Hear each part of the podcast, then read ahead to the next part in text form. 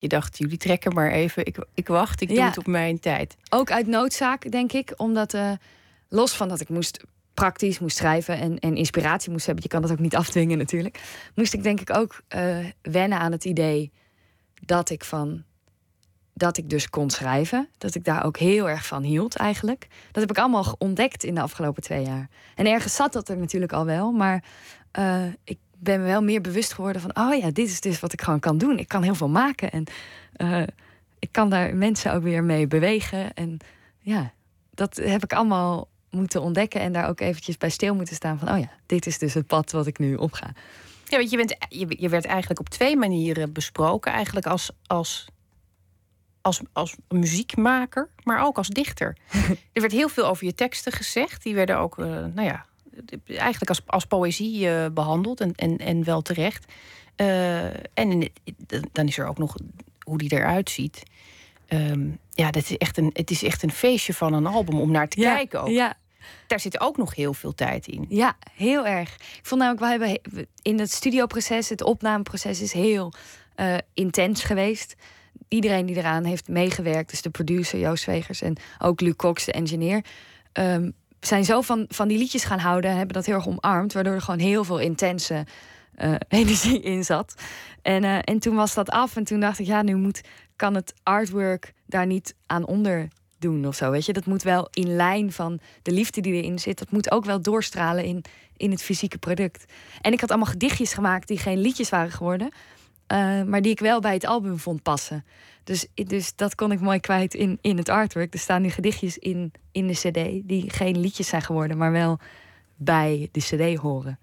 En er zijn ook heel veel gedichten uh, erin die wel een liedje zijn. Die wel, maar ja. eigenlijk ook stiekem gedichten zijn. Ja. ik ga je aan het eind van dit gesprek gewoon langzaam... Ik ga je langzaam terugpraten, helemaal naar de poëzie. Dat we dan gewoon zeggen dat je een dichter bent die in de muziek is verdwaald. um, het, het, uh, het, boekje, hoe het is vormgegeven, dat, is, dat viel me op. Die foto's die erin staan, daar zit steeds iets. Iets gaat kapot en daar zit dan weer iets nieuws achter. Ik weet niet of je heel bewust voor dat beeld gekozen hebt. Hoe kwam dat tot stand?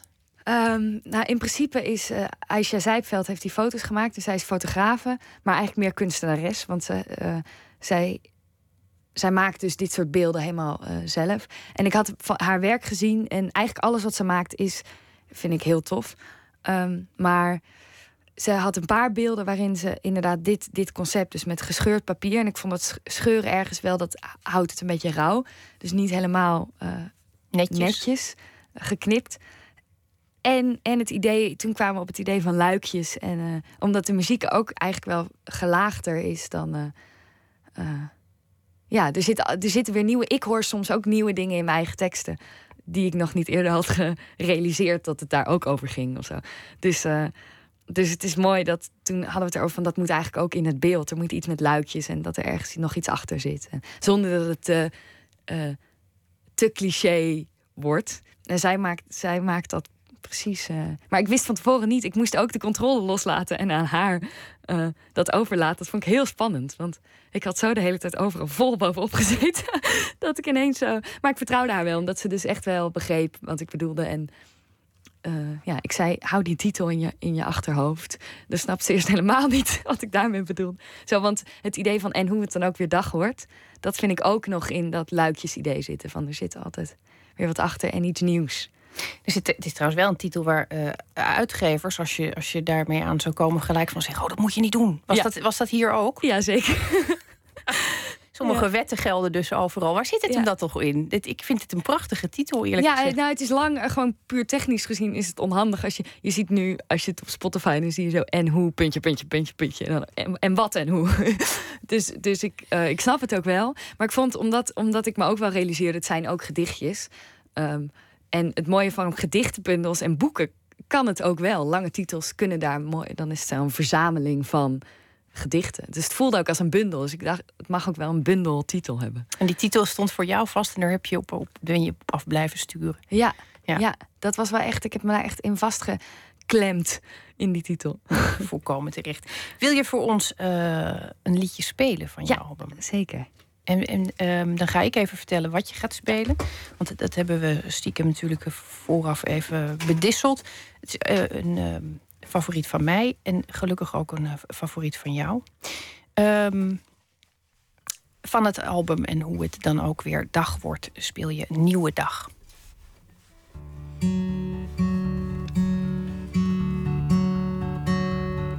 Je glijdt langzaam uit je jas.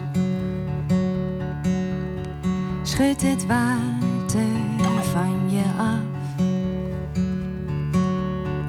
Weer een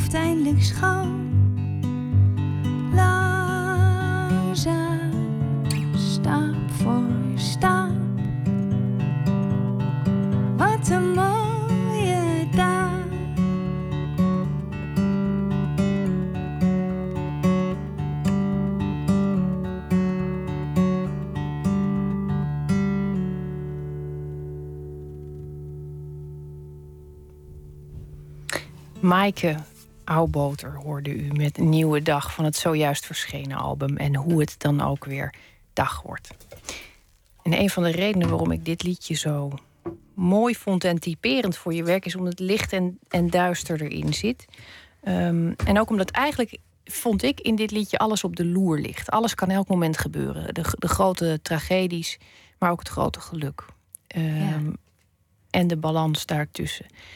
Het rare is dat je ehm, in heel veel van je liedjes kom je ontzettend evenwichtig over. Het is zo goed gedoseerd dat je denkt: dit is een hele evenwichtige vrouw.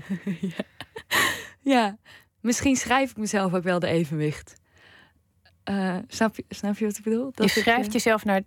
Je schrijft jezelf in evenwicht. Ja, zo. eh, eh, ik schrijf mezelf ook, ook troost soms. Dus een deel van de liedjes zijn ook een soort opschrijven aan mezelf om, te, eh, om me eraan te herinneren van, oh ja, eh, Een soort interne post-it. Ja, ja. Met zo moet je het eens doen. Of ja, moet je en, zelf... en, eh, en ik merk dat ik, ik ben helemaal niet zo gebalanceerd.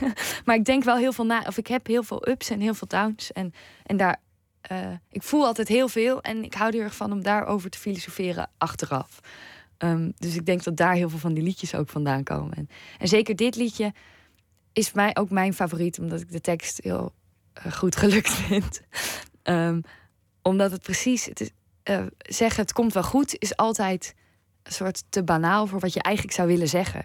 En soms ehm, voel je, kan je helemaal niet op het moment zelf zeggen: het komt wel goed. Terwijl je wel weet dat dat in de tijd zo zal zijn. Of dat het fijn is als iemand wel zegt: het zal in de tijd beter gaan.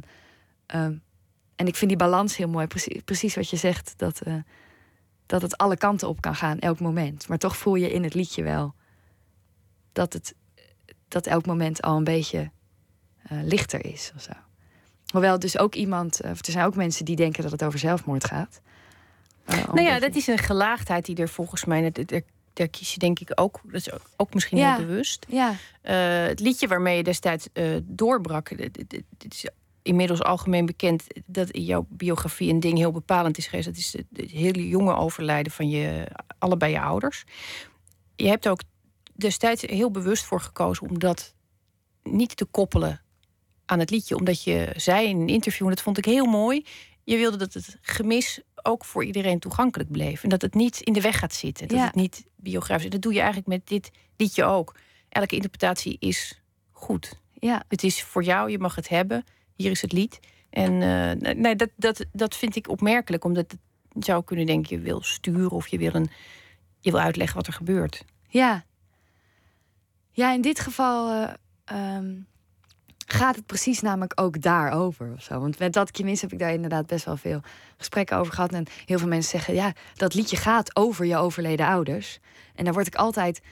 Niet dat ik het erg vind dat mensen dat weten en dat, dat het... Tuurlijk is het gebaseerd daarop, maar het gaat niet over mijn ouders. Het gaat over missen. Het onderwerp van, dat, van die tekst is, is... Het gaat over missen en niet over mijn ouders. Dan had ik een andere tekst geschreven. Ja, Zo. en misschien ook geen tekst die, die zomaar publicabel was. Nee, zo, en, en in dit geval eh, ja, gaat het precies tussen dat, het, dat dingen allebei de kanten op geïnterpreteerd kunnen worden.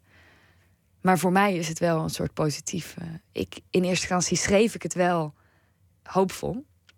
En later realiseerde ik me pas dat die andere kant er ook wel echt in zat. Eh, maar toen realiseerde ik me ook, oh ja, onbewust heb ik dus zeker dat er ook ingelaten. Ik had het er ook uit kunnen schrijven op een of andere manier. Hoe werk jij als je zo- zo'n tekst, zo'n tekst begint ergens? Het is, begint het met tekst bij jou? Begint het met melodie? Bijna altijd wel. Of soms een bepaald, eh, eh, bepaalde Hier begon het wel met die stuwing. Het is stuwing. Het is een soort. En zeker op de plaats zit er ook nog een soort drums achter. Het is een soort mars bijna. Dus het begon met het ritme van die mars. Ehm, en ik was, ik heb dit voornamelijk geschreven in eh, Zeeland bij eh, ouders van een vriendin van me.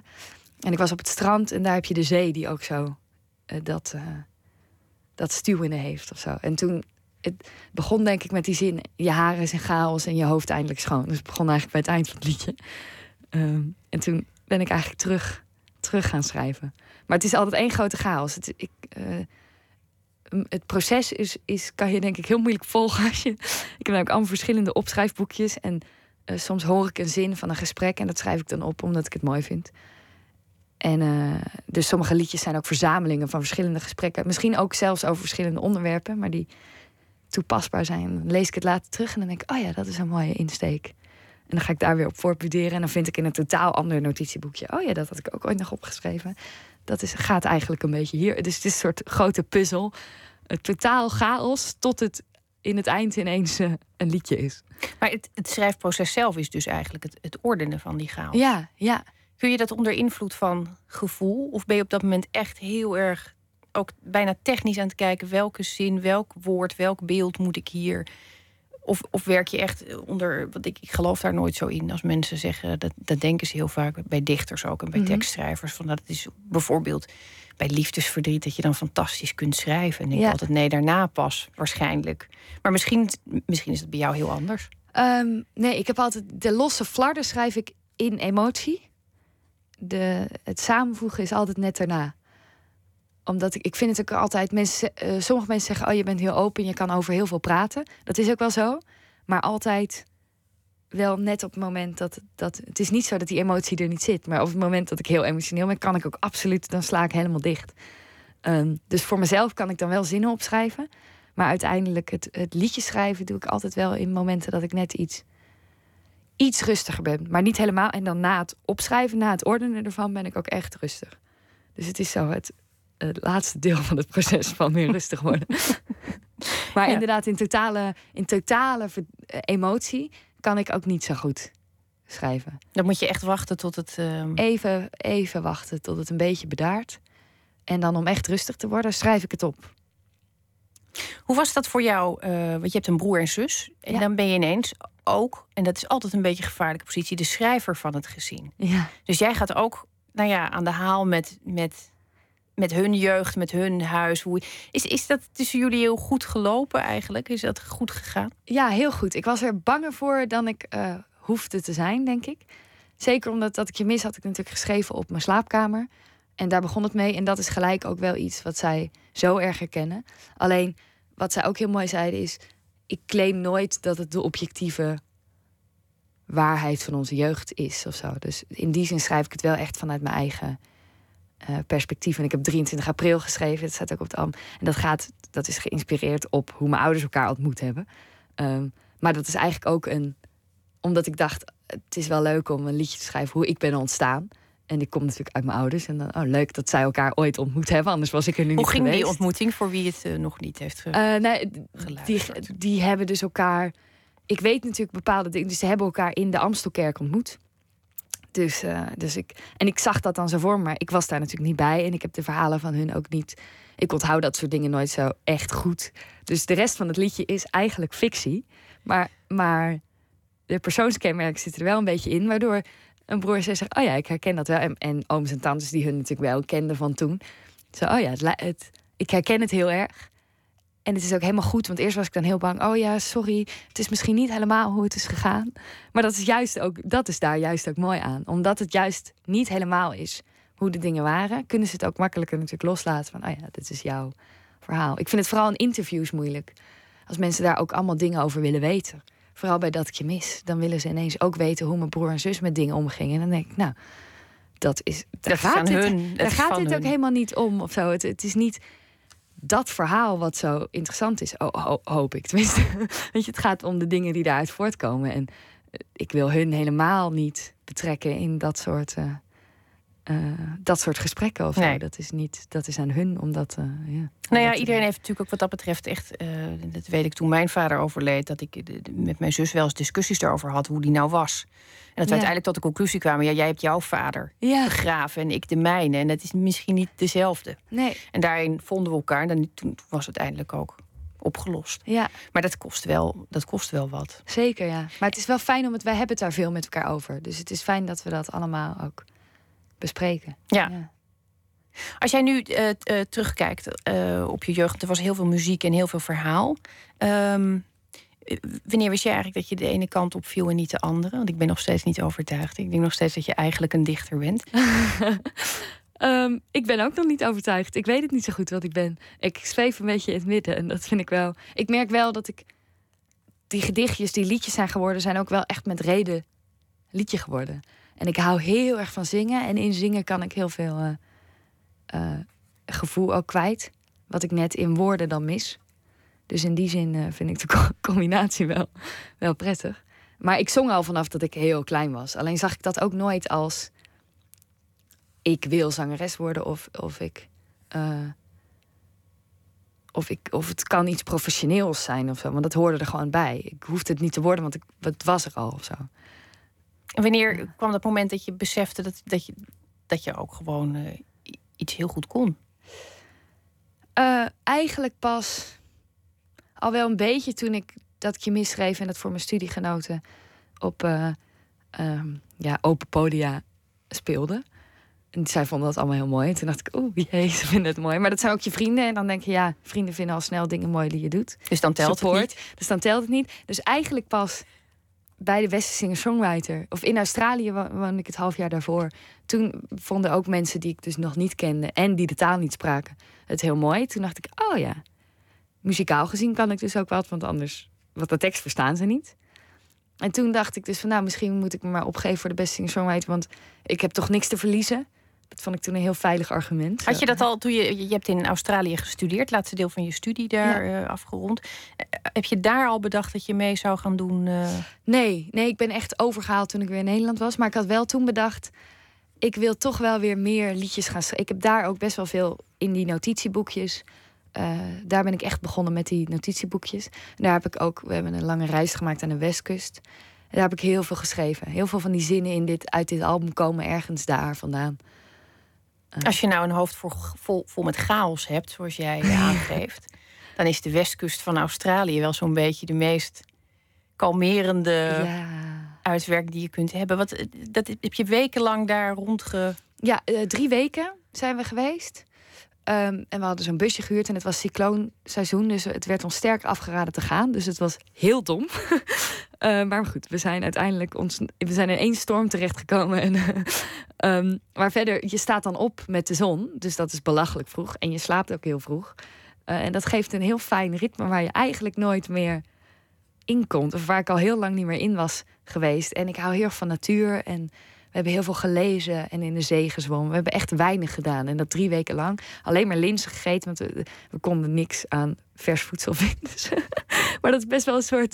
Het was echt zo avontuur. En we hebben veel gewandeld en gezwommen. En met schildpadden en haaien gezien en zo. Het was echt zo het avontuur. En daar werd ik ook... Het kind in mij kwam weer helemaal zo.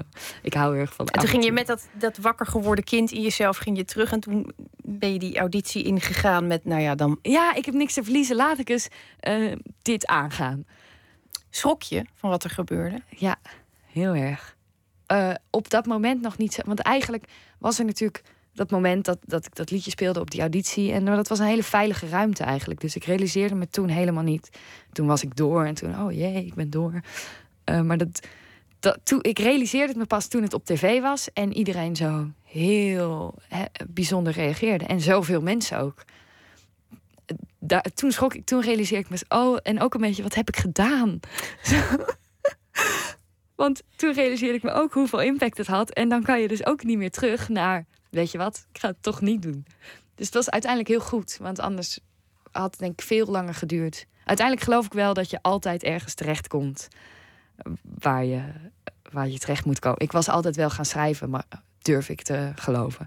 Maar dat had wel veel langer geduurd. Dit is wel de goede, goede weg geweest. Goeie weg. Ik kon ja. meer terug. Nou ja, en nu, en nu is er, eh, en hoe het dan ook weer dag wordt. Ehm, dan, dan komt er nog veel meer succes op je af. En dan denk ik altijd aan het, eh, aan het Lonely Planet syndroom. Dat je dus een heel mooi plekje vindt ergens. En dat je dat dan vermeldt. En dat iedereen daarheen gaat. En dat het dan dus ook niet meer van jou is. Ja. Hoe hou je jezelf dan straks in die grote stormen authentiek? Hoe blijf je wie je bent, wie je was? Ja, daar ben ik ook veel over aan het nadenken. Ik voel het ook en ik merk ook dat ik echt eh, heel erg mezelf dwing om stil te staan bij. Net zoals vandaag is het album op eh, nummer 1 binnengekomen. Het debuutalbum. Is mooier, kan je eigenlijk niet wensen. Dus ik merk, ik moet dit echt goed vieren. Want voordat je weer verder gaat en eh, verder wil reiken. En, dan ben je altijd bezig met wat er nog gaat komen. Terwijl ik moet wel echt ook stil blijven staan met wat er nu is. En dat ik lijkt denk me sowieso het beste. dat het. ik merk dat ik nu al wel begin met plannen maken voor nieuwe liedjes schrijven en nieuwe avonturen. Zodat ik. eh, zodat het me echt. De drive altijd komt vanuit het willen schrijven en niet vanuit. eh, er is succes, dus je moet meer. Zo. Dat lijkt me een heel mooi voornemen om mee af te sluiten. Dankjewel, Maaike Auwboter, dat je hier was en alle goeds met je album. Dankjewel. Straks na het nieuws gaan we verder met het tweede uur van Nooit meer slapen. En dan komt de altijd wakkere Erik-Jan Harmens langs... en Katja de Bruin tipt ons boeken. Dat en meer na het nieuws van 1 uur.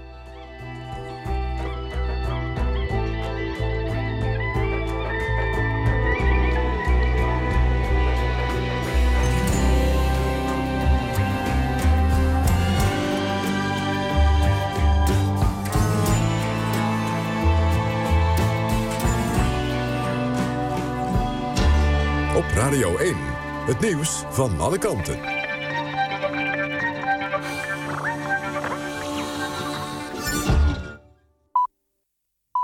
Het is 1 uur, Dielke Teertstra met het NOS-journaal. Het Griekse volk mag zich in een referendum uitspreken... over het financiële reddingsplan voor het land. Dat heeft premier Tsipras bekendgemaakt... in een televisietoespraak om 1 uur s'nachts Griekse tijd... Het referendum wordt volgende week zondag gehouden. Dat is na de deadline voor Griekenland. Die is komende dinsdag.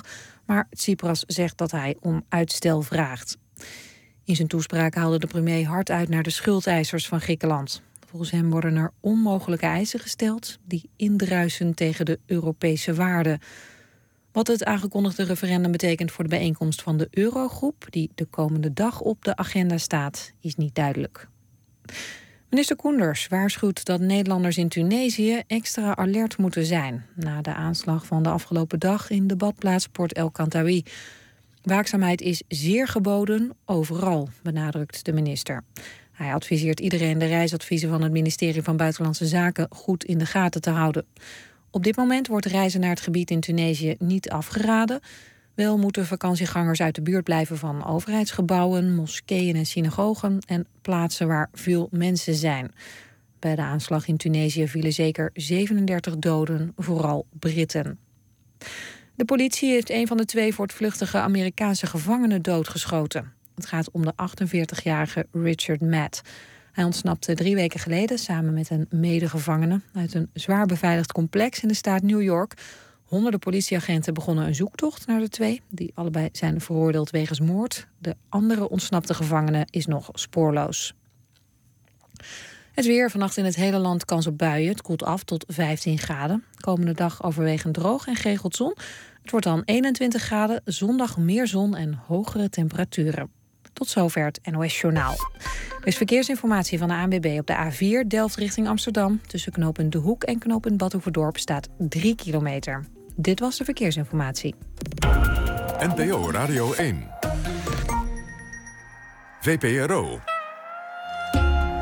Nooit meer slapen.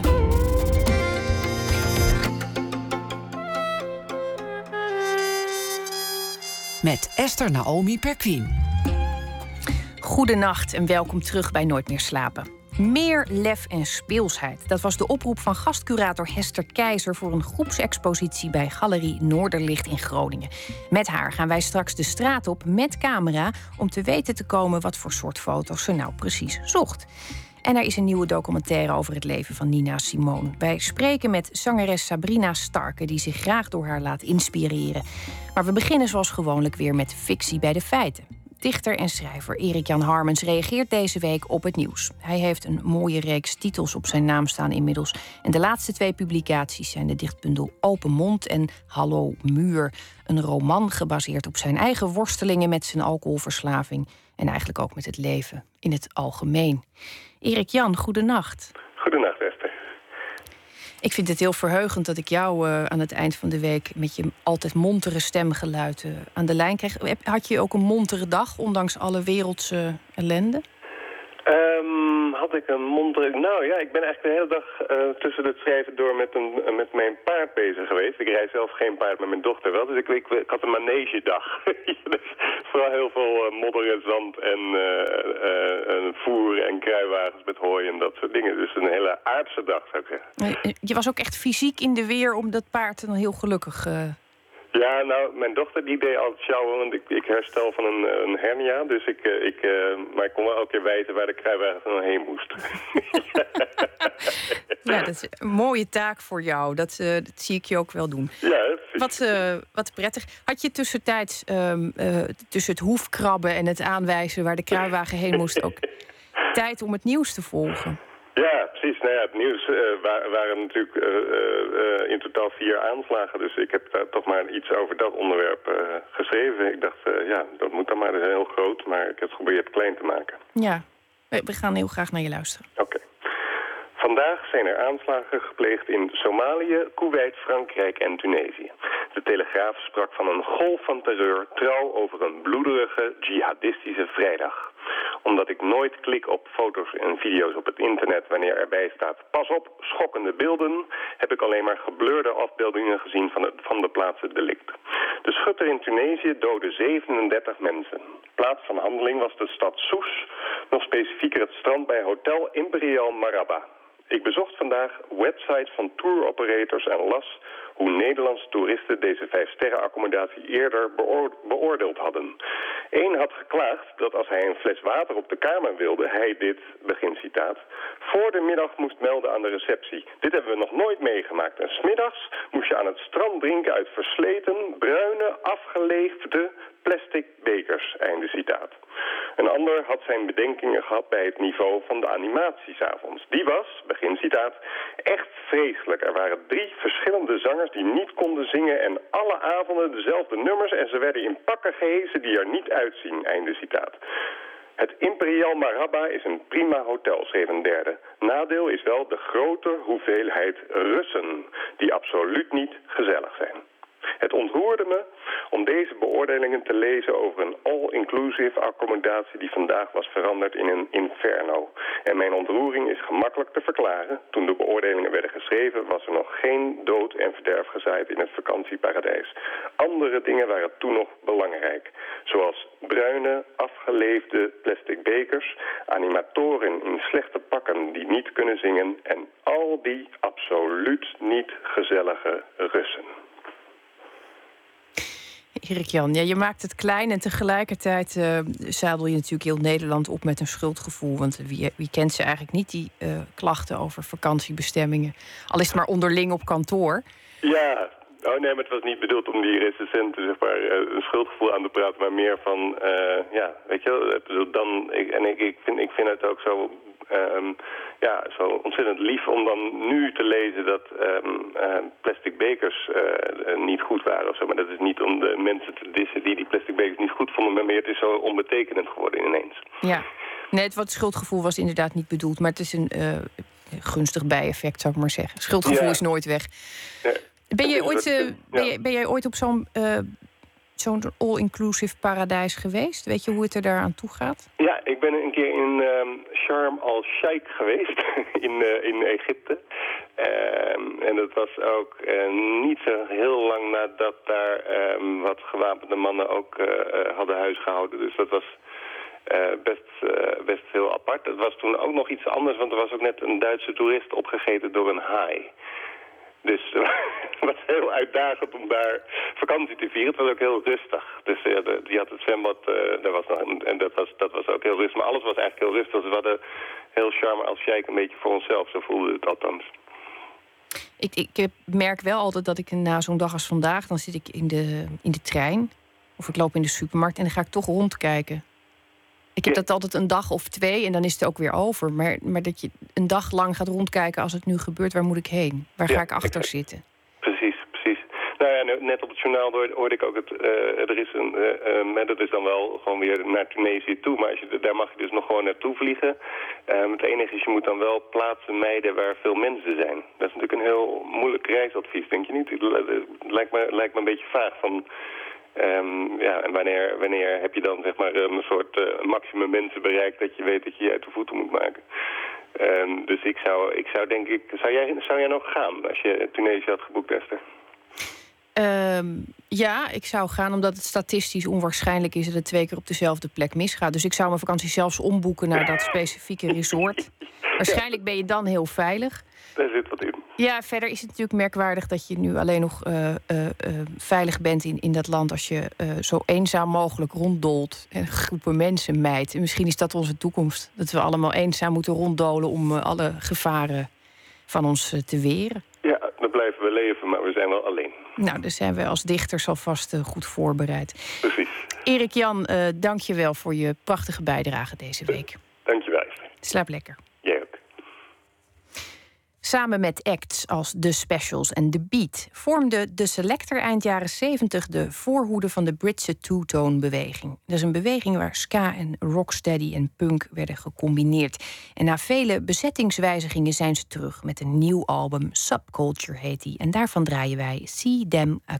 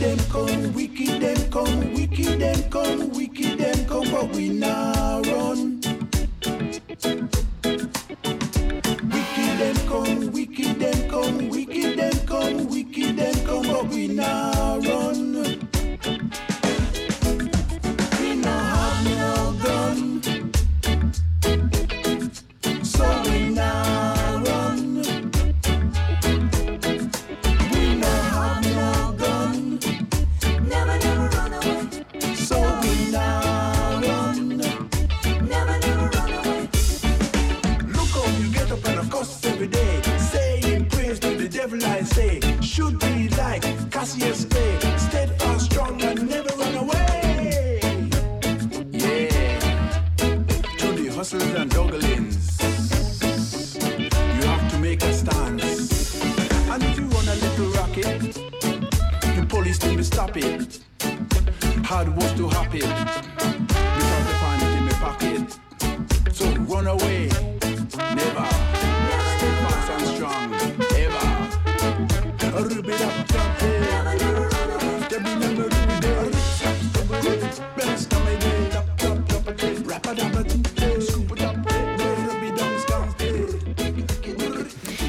Kun je dus niet stil bij eh, blijven zitten. De Selector, de Engelse ska-band rond zangeres Pauline Black. En See Them A Come heette dit nummer.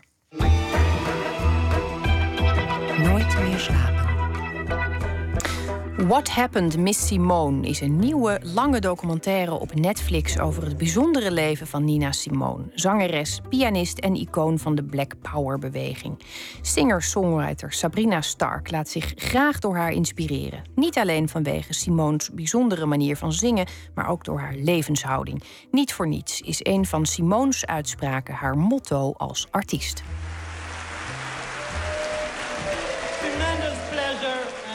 Welcome the incredible, unique and fantastic one and only Nina Simone. Montreux 1976. Nina Simone had al jaren niet opgetreden. Ze was in 1968 met de Noorderzon uit Amerika vertrokken. Haar man, die haar mishandelde, achterlatend. Ze had depressieve buien, problemen met de Belastingdienst en sloeg inmiddels ook haar eigen dochter. Ze woonde in Barbados, Liberia en vertrok uiteindelijk naar Zwitserland, waar ze, door geldnood gedwongen, uiteindelijk voor het eerst in jaren weer het podium betrad. En hoe? Nou, een diepe buiging, dus ze, ze neemt het wel allemaal even tot zich. Dus ze is echt even aan het kijken en, nou ja, waar ben ik en eh, met wie heb ik te maken vanavond. Dus eh, ze neemt wel even de tijd, ja. En dit vind ik zo mooi, dan blijft ze nog even doodstil staan. Ja. Dat het publiek wordt er een beetje ongemakkelijk van. Ja. Ja, ze is wel echt aan het, aan het... Ze laat wel zien dat ze de baas is of zo. Ik vind het zo mooi dat hier dan opeens die grote Die glimlach... eh, Ja, hè? Zie je gelijk een heel ander mens. I haven't seen you for many years, since 1968. We'll start from the beginning, which was about a little girl and her name was Blue. Singer-songwriter Sabrina Stark werd geboren in Paramaribo en woont in Rotterdam. Ze zingt pop, soul, jazz of wat er op haar pad komt. En Nina Simone, van wie ze een groot fan is. In the morning, when the moon is at its rest, you will find me at the time I love the best, watching rainbows play down sunlight. pools of water, ice cream cold nights in the morning. Can't you imagine it? It's the morning of my life, yeah. Ehm, ik denk dat de meeste mensen vinden dat ze niet eh, de, de, de ideale zangeres is. Of de perfecte zangeres. Ze Is juist, ik vind haar juist meer een, eh, verhalenvertelster. En eh, haar stem is heel rauw en heel, ehm, nou ja, soms niet mooi. Dat eigenlijk. Maar ehm, het verhaal komt over. Ze heeft best wel een zwaar leven gehad. Ik denk het, het belangrijkste verhaal van haar is dat ehm, ja, haar droom is eigenlijk van haar weggenomen. Ze wilde eigenlijk de eerste eh, zwarte klassieke pianiste worden. Dat was haar grote droom. Niet eens ehm, om een jazzzangeres te worden. Helemaal niet eigenlijk. I'm sorry that I didn't become the world's first black classic pianist. I think I would have been happier. I'm not very happy now. Zij wilde gewoon eh, studeren voor klassieke pianisten. En zij was geweigerd op de school waar ze toen eh, naartoe wilde, omdat ze zwart was. Dus dat eh, heeft ze gewoon eh, nou, heel haar leven meegenomen. En dat was gewoon, ja, het is, is- haar droom was gewoon echt letterlijk en figuurlijk weggenomen.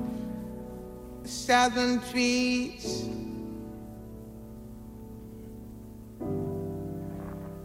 Barren, strange fruit. Blood on the leaves.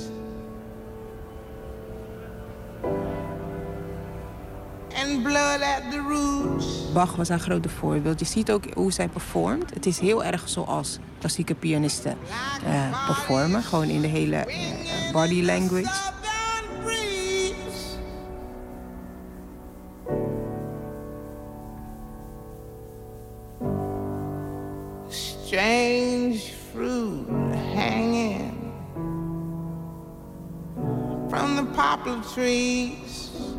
Is natuurlijk opgegroeid in, in een fase waarbij het, waarbij, je eigenlijk niet, dat, waarbij het niet goed was om zwart te zijn. Dus de, de hele burgerrechtenbeweging, eh, dat heeft ze gewoon helemaal meegemaakt. Ze zat er middenin. Ze heeft nou ja, ook eh, genoeg erover geschreven. Ehm, ehm, ze heeft zich daarover uitgesproken. Ze heeft dat gewoon eh, beleefd. Are you ready to smash white things?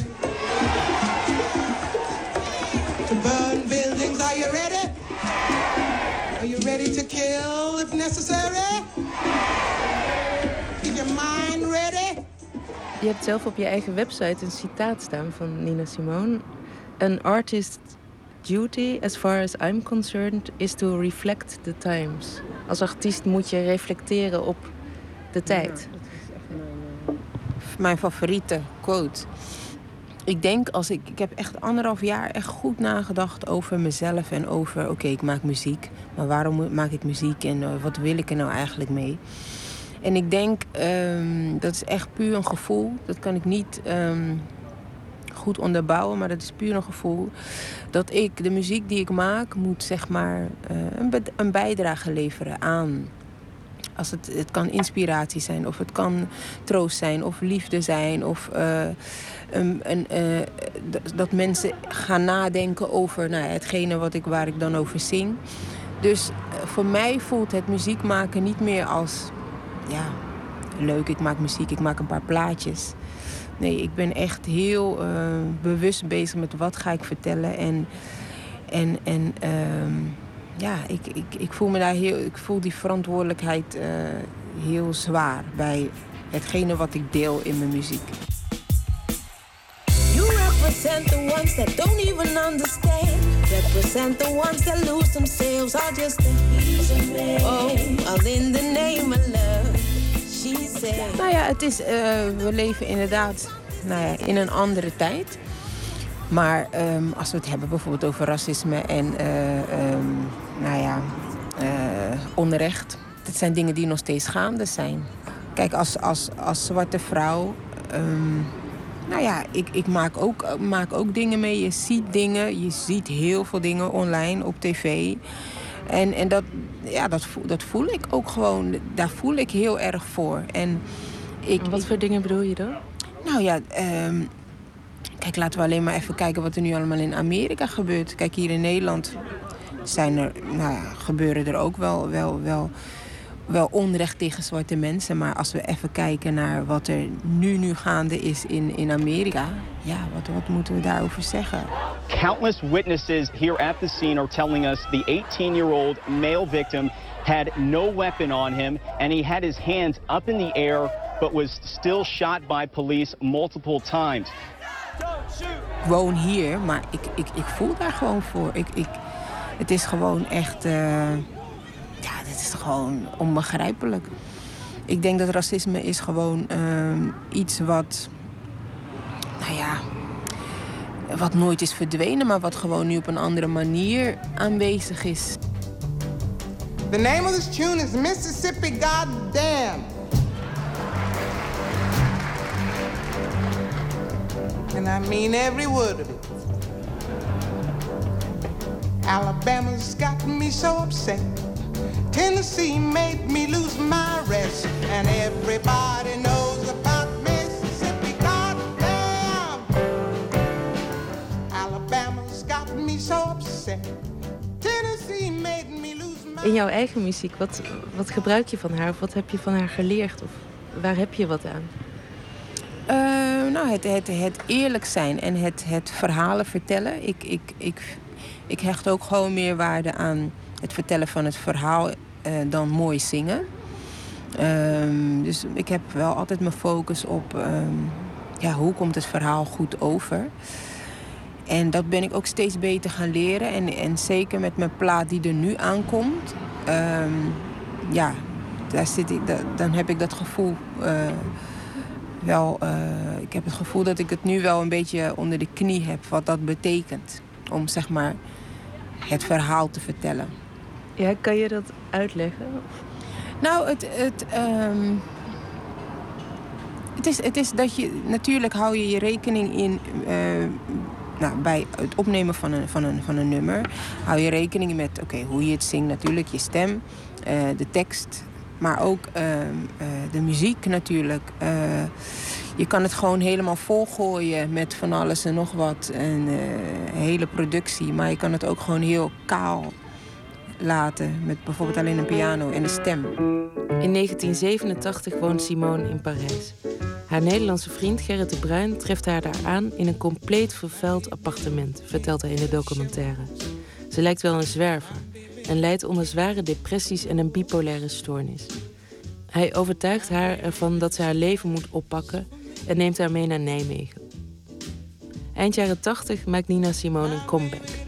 Mede door My Baby Just Cares For Me uit 1958, dat plots een enorme hit wordt door een Chanel-reclame.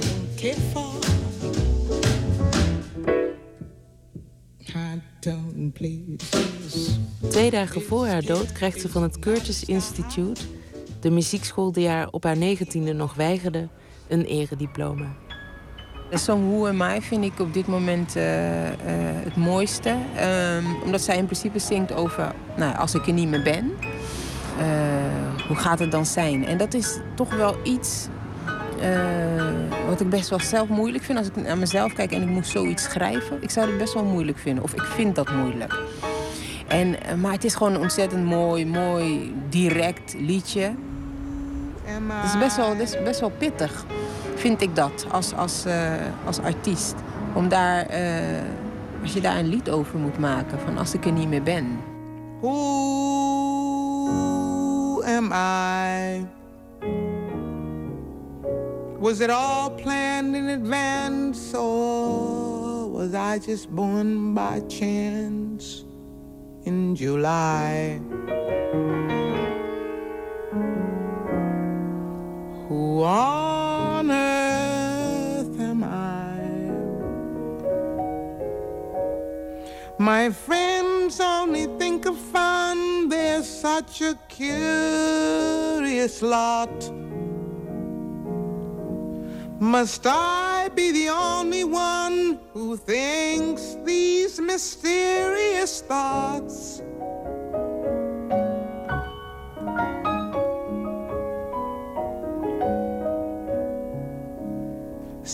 Someday I'll die. Will I ever live again? as a mountain lion or a rooster or a hen a robin or a wren fly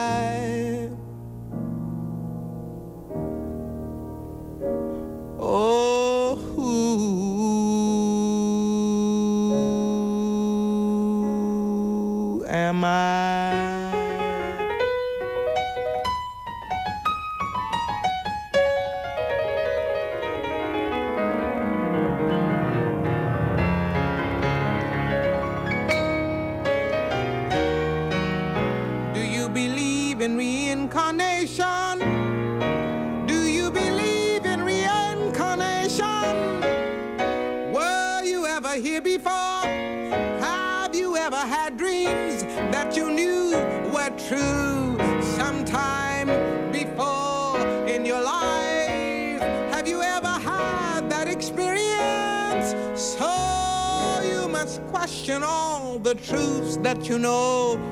all the love and the life that you know, and say, Who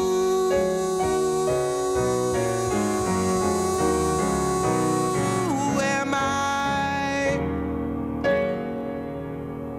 Will I ever live again as a mountain lion, or a rooster, or a hen, or a robin, or a wren, or a fly? If I'm one of those lives that have been reincarnated again and again and again and again and again and again. Oh, am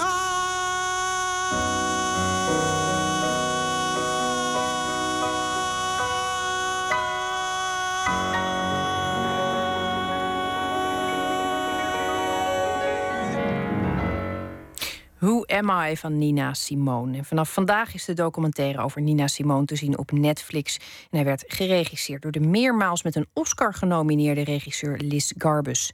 De nieuwe plaat van Sabrina Stark verschijnt dit najaar. En het was Emmy Colau die u hoorde in gesprek met haar. Nooit meer slapen. Iedere vrijdag bellen we voor een culturele tip met een van VPRO's smaakmakers. En vandaag doen we dat met Katja de Bruin, boekenredacteur van de VPRO-gids. Katja, goedenacht. Goedenacht. Jij hebt, heb ik begrepen, weer een paar eh, boeken uitgezocht die in Nederlandse vertaling zijn verschenen. En voordat je die gaat toelichten, want daar ben ik heel nieuwsgierig naar, wil ik eh, ook graag van je weten welke boeken jij meeneemt als jij eh, op vakantie gaat deze zomer. En ik, ik hoop ook dat je dat gaat doen. Ik ga zeker op vakantie. Ik ga zelfs naar Indonesië drie weken. Dus ik ben ver en lang weg. En eh, ik heb natuurlijk even overwogen om dan couperus mee te nemen. Om dat weer eens te, lezen. Ik heb dat ooit allemaal eh, keurig gelezen. En ook trouwens met heel veel plezier. Maar het is wel erg lang geleden. Dus ik dacht, misschien neem ik wel gewoon eh, iets van couperus mee. Omdat ik het ook altijd zo lekker vind om op vakantie eens een klassieker te lezen... waar je in het gewone dagelijkse bestaan nooit aan toe komt. Maar ja, het is, ik, het is altijd heel lastig. En ik wil ook gewoon eh, een beetje bijblijven. Dus ik, misschien neem ik ook wel een heel dik boek mee... dat pas in oktober gaat verschijnen... maar waar ik al een leesexemplaar van heb. Dat is iets van nee, meer dan duizend bladzijden. Dus het zou ook nog kunnen dat ik dat gewoon meeneem. Dan ben ik ook meteen eh, voorzien. En, en ben jij nu ook zo iemand die dan eh, door het huis heen stapeltjes heeft... en dan steeds opnieuw schift en denkt... nee, dit gaat toch op het nee-stapeltje... of het gaat op het twijfelstapeltje... of op het als ik mijn badslippers en mijn kamerjas vergeet... dan kan dit er nog in stapeltje. Ja, nee, dat, dat zeker. Heel, en het is ook het laatste wat ik... Dat is eigenlijk waar ik me altijd het allermeeste zorgen over maak als ik op vakantie ga. Heb ik de goede boeken bij me? En ja, wat, wat nou als ik, ze, als ik ze toch allemaal uit heb... en is daar dan iets anders te krijgen? En dat zijn allemaal hele belangrijke kwesties. Dus ik vind het ook leuk, maar het is ook altijd een beetje een, een spannend klusje... om- omdat je nooit zeker weet of je de goede keus maakt. Ja, nou, dat blijft natuurlijk ook, eh, ook- onderweg. Soms eh, kom je er ineens achter dat je dat helemaal niet had eh, mee willen nemen. Ja, maar dat heeft ook wel iets moois. Dan zit je daar in, in, in zo'n, nou ja, toch een hele goed voorziene omgeving. Behalve dan dat je je Nederlandse literatuur ontbeert. Dat is Ja, toch ook wel ja, fraai. Ja, precies. Ja. Zeg, je hebt eh, een aantal boeken eh, recentelijk eh, gelezen... waarvan je er een paar voor ons gaat toelichten. En een van die boeken verscheen echt bij een piepkleine nieuwe uitgeverij. Ik had er nog nooit van gehoord, Carmijn. Ja. Wat is dat voor eh, Nou, dat is een uitgeverij? heel leuk verhaal. Want het is een, inderdaad, ja, ik kan me voorstellen dat, dat heel veel mensen dat totaal niet interesseert wie, wie iets uitgeeft. Dat is ook een beetje een, iets voor boeken nerds zoals wij misschien. Maar dit is toch wel heel leuk, want dit is van een eh, Wilma Seibel. Die is een, een paar keer ontslagen, zelfs drie keer geloof ik als ik het goed heb in vorige banen. En die is nu, eh, nou ja, met de moed ervan op dan maar een uitgeverij begonnen. Ongeveer de slechtste carrièrekeus die je kunt maken in deze tijd. Maar het leuke is dat zij eh, een, een boek heeft aangekocht van een mevrouw die heet Penelope Fitzgerald. Ik had nog nooit van haar gehoord, maar ze blijkt eigenlijk best eh, bekend te zijn, in, althans in Engeland waar ze vandaan komt. Ze heeft zelfs ooit de Booker Prize gewonnen. Er is een hele mooie biografie over haar verschenen in 2008 geloof ik, dus nog niet eens zo heel lang geleden. En dat boek, eh, dat heet De Boekhandel, Eh, dat, dat heeft zij dus aangekocht. En het is een van de eerste romans die ze heeft uitgegeven bij dat hele kleine uitgeverijtje van haar. En dat is nu zomaar ineens dreigt dat een, een succes te worden. Dat wil zeggen, het wordt overal heel erg eh, mooi besproken. En ja, dat mensen beginnen dat zomaar te ontdekken... zonder dat zij nou het enorm ruime budget had om daarvoor te adverteren. Dus dat is een heel, heel leuk succesverhaal van iemand die tegen alle commerciële belangen in eh, denkt... en gewoon iets uitgeeft omdat ze dat mooi vindt. Het is bijna alweer een roman op zich. Ja. Ehm, hoe, hoe, is er, eh, hoe, hoe verklaren ze zelf dat dat zo storm loopt? Zijn ze er niet enorm van geschrokken? Nou ja, eh, ik wel heel verbaasd, maar aangenaam verrast natuurlijk ook. En ze, zij vindt het ook heel, eh, ja, nou ja, terecht. Het, het is ook terecht, want het is een heel, het is echt een hele mooie schrijfster. Is die, die Penelope Fitzgerald. Het is een, eh, dit, dit, dit boek is, eh, schijnt niet haar beste boek te zijn. Ik, eh, ik heb, omdat ik zo nieuwsgierig was, heb ik er gauw nog twee gekocht. Die ga ik ook nog lezen binnenkort. En daar schijnt het, het boek bij te zitten. Dat heeft eh, uitgeverij Carmijn ook aangekocht. En dat wordt later nog vertaald en uitgebracht. En dat schijnt echt haar allerbeste boek te zijn. Dat heet The Blue Flower. Dat zal wel vertaald worden als De Blauwe Bloem. Maar dat, eh, dus, dus er komen er nog een paar aan. En zij is eh, ja, heel, een beetje, beetje verge- in de vergetelheid geraakt. Ook omdat ze zelf een ongelooflijk bescheiden vrouw was... die pas op haar 58ste, mind you, is gedebuteerd. En toen ze eh, genomineerd was voor de Booker Prize... eh, nog bij iemand een tasje moest lenen... En een, een soort hele rare bloemetjesjurk aan had... omdat ze helemaal geen keurige avondjurk had. En tot ieders verbijstering won ze toen ook nog. Dus er, zitten, zijn ook hele leuke verhalen over haar eh, eh, doen de ronde. En dat boek dat gaat over een, een vrouw op leeftijd, een weduwe, of nou een weduwe, het is een, in ieder geval is ze alleen, eh, die een, ehm, een boekwinkeltje begint in, ergens in het zuiden van Engeland in een dorpje. Dat leidt tot allerlei intriges eh, met andere middenstanders en mensen die, eh, die haar geen succes gunnen. En heel erg Engels, prachtige stijl, eh, heel eh, subtiel. Ja, het is, het is echt, een, echt een aanrader. Heerlijk boek. Ze klinkt ook intens Brits, Penelope Ja, Fitzgerald. Dat, is, dat is bijna nog Britser dan Benedict Cumberbatch. Het is echt een... ja. Ja, het, kan, het, het zou, het zou zomaar een pseudoniem hebben kunnen zijn. Zo, zo Engels is het. En zij is ook tot in, de, echt, tot in iedere vezel een, een, een, een Engelse eh, schrijfster. En ze, komt ook, ze stamt ook uit een familie van hele eh, echt intellectuelen, maar dan van de beetje de, de armoedige soort. Dus niet met een adellijke achtergrond, maar eh, juist wat, eh wat recalcitrant. Haar moeder was bijvoorbeeld een van de allereerste meisjes die in Oxford ging studeren. Vond ik ook zo'n leuk verhaal. Het is echt de eerste lichting die überhaupt mocht, hè, van meisjes die mocht gaan studeren. Daar behoorde haar moeder ook bij. Dus ze, ze heeft een hele interessante familiegeschiedenis ook. Waar ze trouwens ook een biografie over heeft geschreven. Over haar vader en haar ooms. Die ook weer heel interessant waren. Kortom, het is echt iemand die het verdient om eh, ja, herontdekt te worden. En dat is met dit, eh, dit, dit boek zeker eh, gelukt. Ja, heerlijk. Nou, je, je- bent ook weer intimiderend goed eh, ingelezen direct. Ik denk ook, ja, ik ga dat dan ook gelijk inhalen. Het werkt heel eh, aanstekelijk. Ehm, je had nog zo'n zo'n eh, boek waar ook een verhaal aan vastzit. Ja. Een, een, schrijver die eigenlijk pas, pas na zijn dood erkenning krijgt. Ja, dat is ook een, een, een, een heel leuk verhaal. Het gaat niet geheel toevallig ook, speelt zich dat af in de, in de, boekenwereld. Het is, een, die, het is een schrijver die heet George Gissing. Dat is al een... eh, dat was een tijdgenoot van Thomas Hardy. Dus we hebben het nu over iemand die echt al een hele tijd dood is.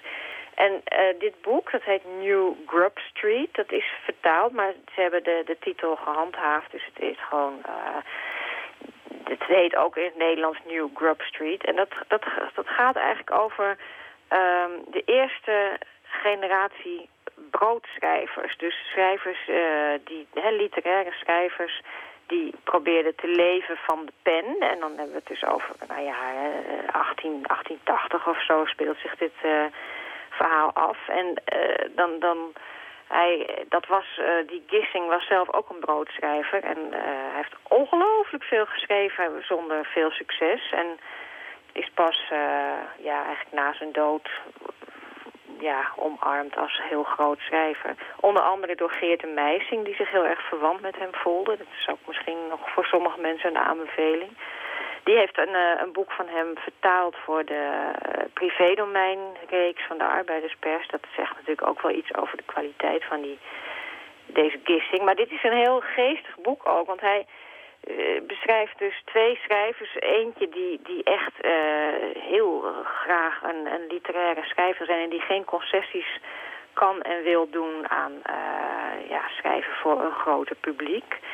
En een andere die heel uitgekookt en opportunistisch eh, bedenkt hoe die moet schrijven om zoveel mogelijk succes eh, en dus ook geld eh, te verdienen. En dat, nou ja, dat wordt nogal eh, tegen elkaar afgezet als, als een, een, de, de, de, de goede arme sloeber die, eh, die zijn best blijft doen om, om literair te blijven. En de ander die... eh, die zegt, eh, ja, literatuur is tegenwoordig handel. Nou ja, moet je nagaan, we hebben het dus, hè, dit is dan 1882. Eh, dus het is Het klinkt vreselijk eh, actueel in ieder het is geval. heel actueel. Dat is echt, echt bijzonder. Eh, hij zegt hier, ik, ik citeer nu eventjes... ehm, hij, noemt zichzelf de literaire figuur van 1882. Eh, literatuur is tegenwoordig handel. Afgezien van geniale figuren die slagen door louter kosmische kracht... is een succesvolle letterkundige zoveel als een bekwame handelaar. Hij denkt in de allereerste plaats aan de markt. Nou ja, en dan gaat het dus ook over hè, eh, recensenten en, en de, de juiste uitgever zien te vinden. Reclame maken voor je boek en de, de, de goede mensen kennen. En ja, ik, ik kon bijna niet geloven dat dat dus... eh, nou, wat is het, 150 jaar eh, zo'n beetje geleden al ook op die manier beleefd werd. En heel bijzonder. Ja, nou, het is in ieder geval een boek dat we dus nu ter hand kunnen nemen... waar we nog steeds wat van kunnen leren en opsteken. Dank je wel, eh, Katja, voor je mooie aanbevelingen. En ehm, wanneer ga je op vakantie? Eh 7 7 juli ben ik weg. Nou, ik wens je een ongelooflijk mooie reis en we horen daarna heel graag wat je allemaal Zeker. gelezen hebt. Ja, Tot gauw. dag. Dag. Wie eh, meer wil weten over de besproken titels kan natuurlijk ook terecht op de website vpro.nl/slash boeken. We gaan verder met muziek. Francesca Belmonte was de vaste zangeres van de Britse trip-hop muzikant Tricky. Maar zij maakt ook zelf muziek. Wij gaan luisteren naar het nummer Your Sons. Your sorrow, oh, your for? I'm not sure.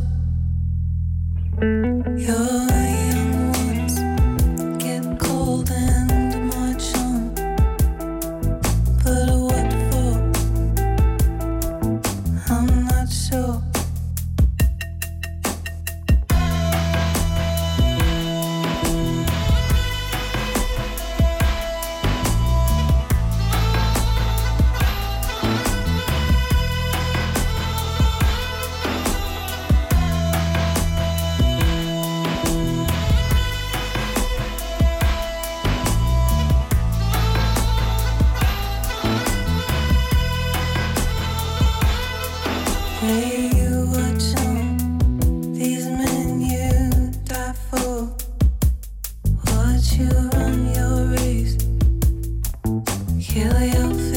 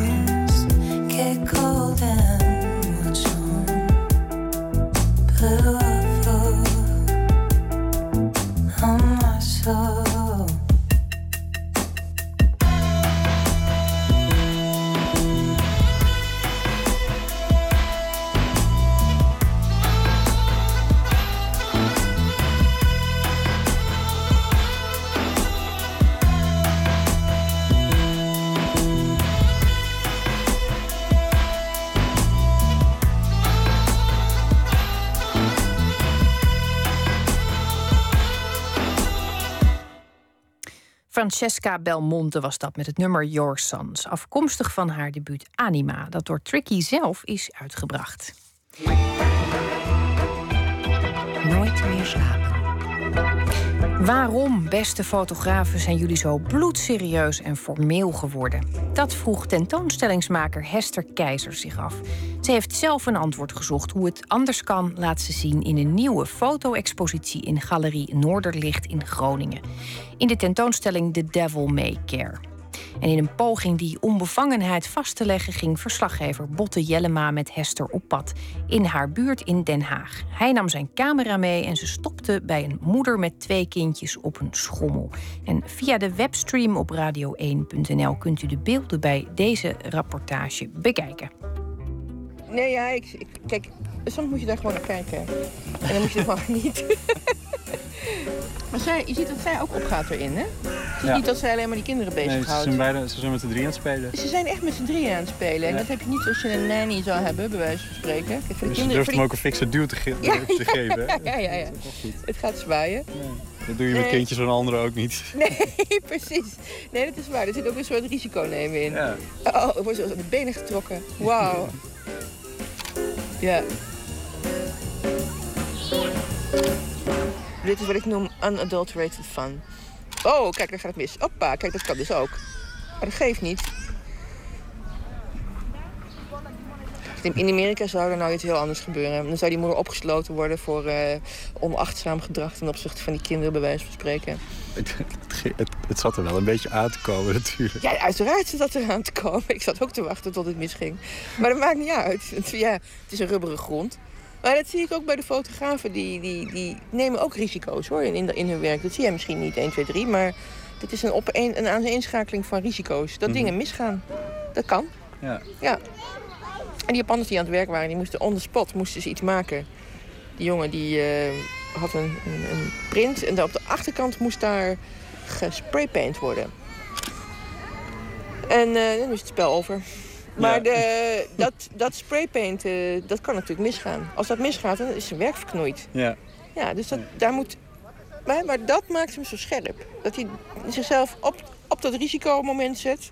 Maar dat is toch ook het, het, het spel van zo'n schommel. Dat het, eigenlijk is het een beetje gevaarlijk Ja. en daarom is het leuk. Ja, natuurlijk. Dat zit er ook in. En dat is wat jij in fotografie ook zoekt. Het Nou ja, spel, maar- net een beetje gevaarlijk. Gevaarlijk, ja, precies. Het spel net een beetje gevaarlijk, net riskant. De fotografen uit, eh uit Oman, die in Bahrein die feestjes fotografeert, die riskeert ook heel wat. Die mensen riskeren überhaupt al wat door die feestjes bij te wonen en te doen. En jongens en meisjes te laten, of man en vrouw te laten mengen. En eh, eh, voor de camera over wiet en zo te praten, over drugsgebruik. Ja. Het is ongehoord eigenlijk. Gevaarlijk. En gevaarlijk, ja, maar omdat ze anoniem zijn kan het. Maar ze nemen dat risico. Ja, dus, maar dat, zit, dat, eh, dat maakt het natuurlijk ook. Dat, dat, dat je nekharen net even overeind gaan staan. En dat je denkt, ah ja, dat is eh, een thrill.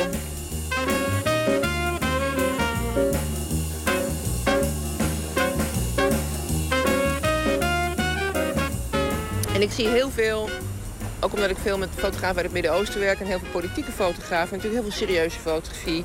Dat je ook in de, ja, de- serieus gebracht, eh, of heel erg ingewikkeld uitgedacht. En ik had vroeger, volgens mij mijn eerste liefde in de fotografie was Jean- Jacques-Henri Lartigue. En die als kind zijn familie fotografeerde, die allemaal dolle dwaze dingen deden.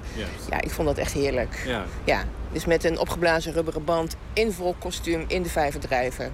Los van alle regels van de fotografie, los Ja. van alles eh, wat, eh, wat er inmiddels aan, eh, aan, aan, ja, hoe zeg je dat, aan erfenis van fotografen is. Ja.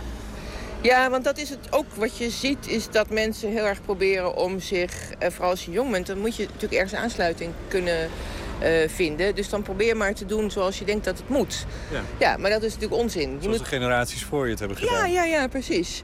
Maar ik sprak een van de, de Japanners, die waren hier onlangs om eh, te werken aan de installatie. Dat is al met de hand in de kelder van Noorderlicht in elkaar gezet.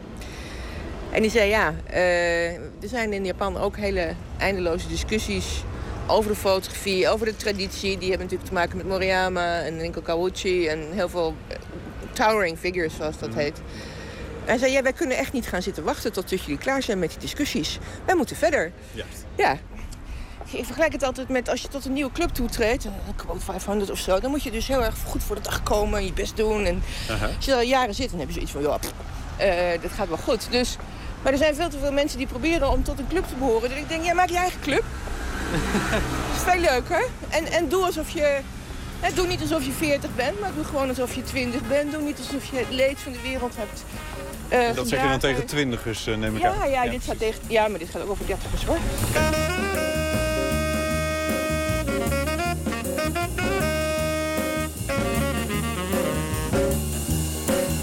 Ja, dit is ook een heel erg mooi even tussendoor. Dit is de Coconuts for Sex. En eh, dit is een hele oude seksshop. Toen de buurt, vroeger was deze buurt veel slechter, heb ik me laten vertellen. Ik woonde hier toen niet, maar we hadden veel meer prostitutie, veel meer raamprostitutie.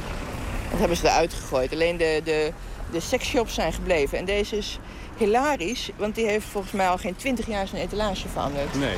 Roze TL's. En... Schuin opgehangen. Ja. Ja, ja, ja. Alles uitgebleekt. Ja. Ja, de, de, de, de, de etalagepoppen die er staan, die brokkelen onge- ongeveer af. Als je hier nou een foto van zou willen maken, Ja. wat zou je dan willen laten zien? Oh, ik heb al verschillende foto's hier gemaakt, want ik woon hier echt om de hoek. En eh, Dan moet jij even uitleggen wat je nou gedaan hebt. Ja, er ging een wat oudere meneer, ik denk een oudere klant.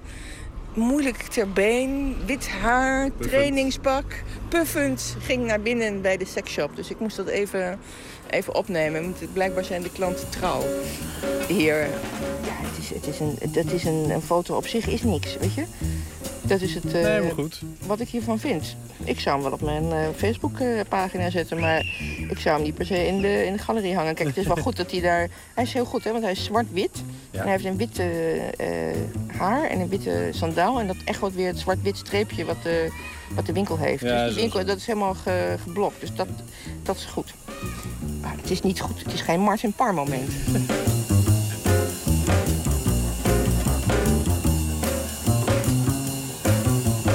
Al deze fotografen zijn ook tegelijkertijd professionele fotografen. Die doen ook opdrachten, commercieel, of die hebben eigen projecten.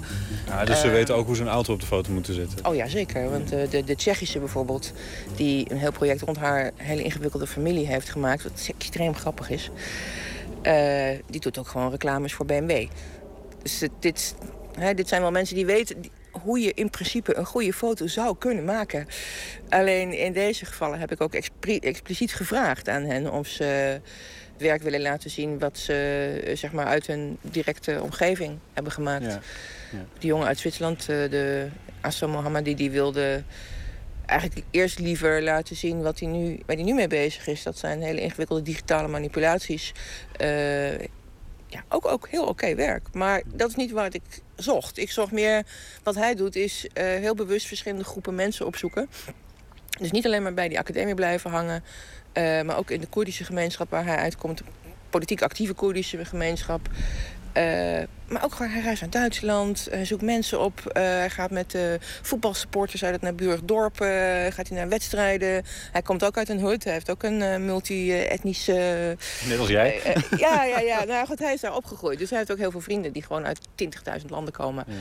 Eh, maar daar fotografeert hij dan ook af en toe. En dat is een project, daar is hij eigenlijk de hele tijd mee bezig. Dus dat komt af en toe wat bij als hij weer eens naar een voetbalwedstrijd gaat. Dan gaat hij weer wat eh, fans eh, doen. Of dan komen er enge honden. En, eh, dus, maar hij probeert heel erg die bruggen te slaan tussen die verschillende gemeenschappen. In, in dat project Folon heet het. En dat is dan genoemd ook weer naar, een, ja, naar muziek van een Afrikaanse muzikant. Dus dan hebben we een Iraans-Koerdische jongen die in Zwitserland opgegroeid is... en die een project noemt naar een Afrikaanse muzikant die voor hem een inspiratie is. Ja, dan zijn we er. En dan hangt de foto in Groningen. En dan hangt de Ja. foto in Groningen, ja, precies. Ja. Asa Mohammed die heeft één foto van een jongen die een Hitlergroet geeft. Dus hij zei, kan dat? Ik zeg, ja, dat kan. Want dat is namelijk gewoon de mensen die hij tegenkomt. Mhm. Hij is het er zelf ook niet mee eens. Maar ja, dat zijn wel de, de, de mensen uit zijn hut. Ja. Of dat zijn wel de mensen van het eh voetbalsporters. Want je weet hoe voetbalsporters zijn. Die doen dat soort gekke dingen. Mhm. Ja. Dus ja, dat kan. Ja. Hij begeeft zich ook wel eens s'avonds laat in, in situaties dat ik denk, ja, misschien is dat ook niet zo eh, veilig altijd. Maar goed, het is ook ja, dat. Maar ook en, en het risico wat ze nemen door conventies te breken in de fotografie, is dus ook inderdaad om anderen te schofferen. Of om onbegrip te krijgen of te denken van, ja, nou ja, pff, eh, weet je wel, zo interessant is het allemaal niet wat Nee. je doet. Maar dat geeft niet. Nee. Weet je, het hoeft ook niet meteen naar het Louvre of naar de MoMA of wat dan ook. Het is ook niet erg. Dat is het eigenlijk. Let's have fun. Het is allemaal niet zo erg. Ja. Relax. Weet je, we zijn hier niet eh, big business aan het doen. eh, en dan nog. Ja. Een van de missies die ik had was van... Ik wil eventjes met jouw ogen Kijken, kijken naar... ja. Ik weet nog niet of dat helemaal is gelukt. We hebben namelijk nu twee foto's gemaakt. Ja. En al twee plekken waar ik van dacht... Nou, dat zou wel leuk kunnen zijn. Hebben we foto's niet gemaakt. ja. Maar dat is goed. Maar Ja. de, de, wat is het? Kijk, jij, jij bent hier ook een vreemde in de buurt. En Ja. het gaat om mensen, en die foto's die ik in de tentoonstelling heb. Het gaat om vrienden de, en, en, en familie. Nou, jouw vrienden en familie zijn hier niet. Dus als ik foto's zou moeten maken, of aanwijzen, momenten aan moeten wijzen, zeg maar, waarop jij dan een foto zou kunnen maken die iets met die tentoonstelling heeft, dan moet ik bij jou thuis komen. Ah, ja, ja. Of eh, als je uitgaat, of eh, Ja. dat soort dingen.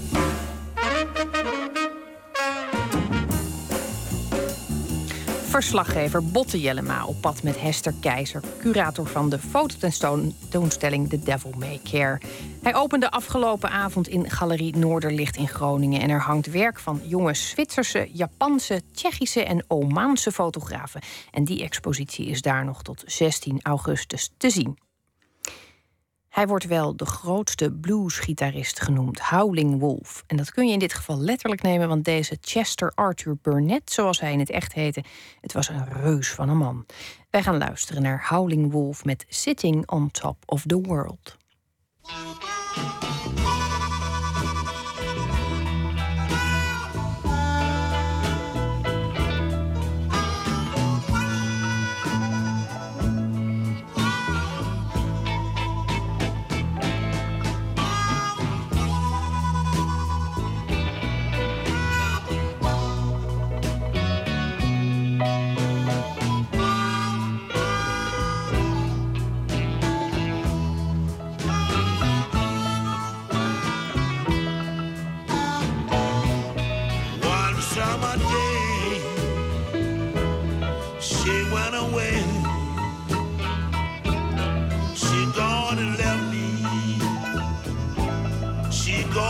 Gone to stay, but now she gone,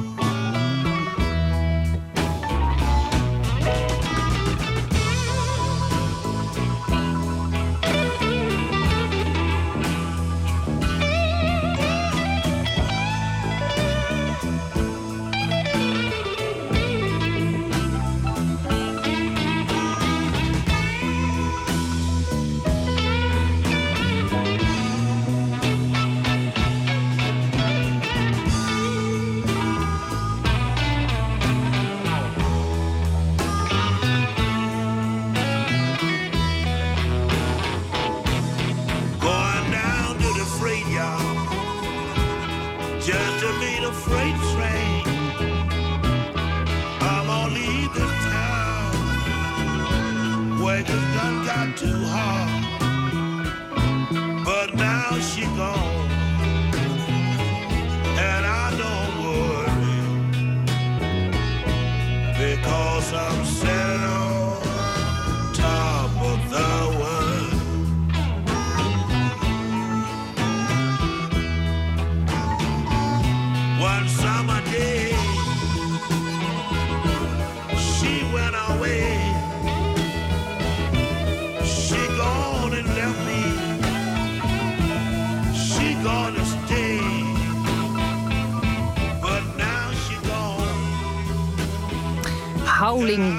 was dat met Sitting on Top of the World. Dichter Helene Gelens sluit deze aflevering af met een favoriet gedicht. En zij leest haar eigen werk Vlam.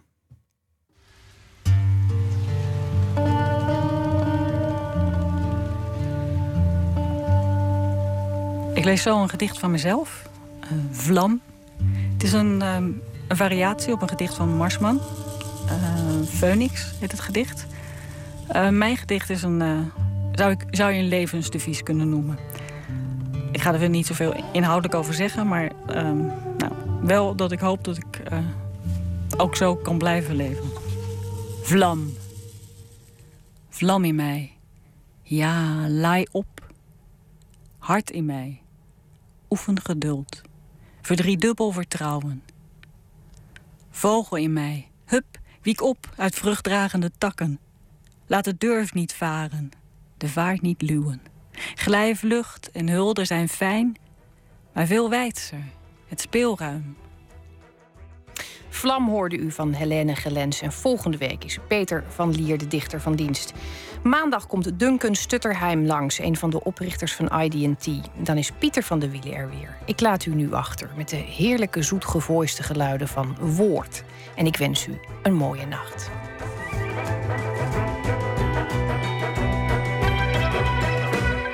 Op Radio 1, het nieuws van alle kanten.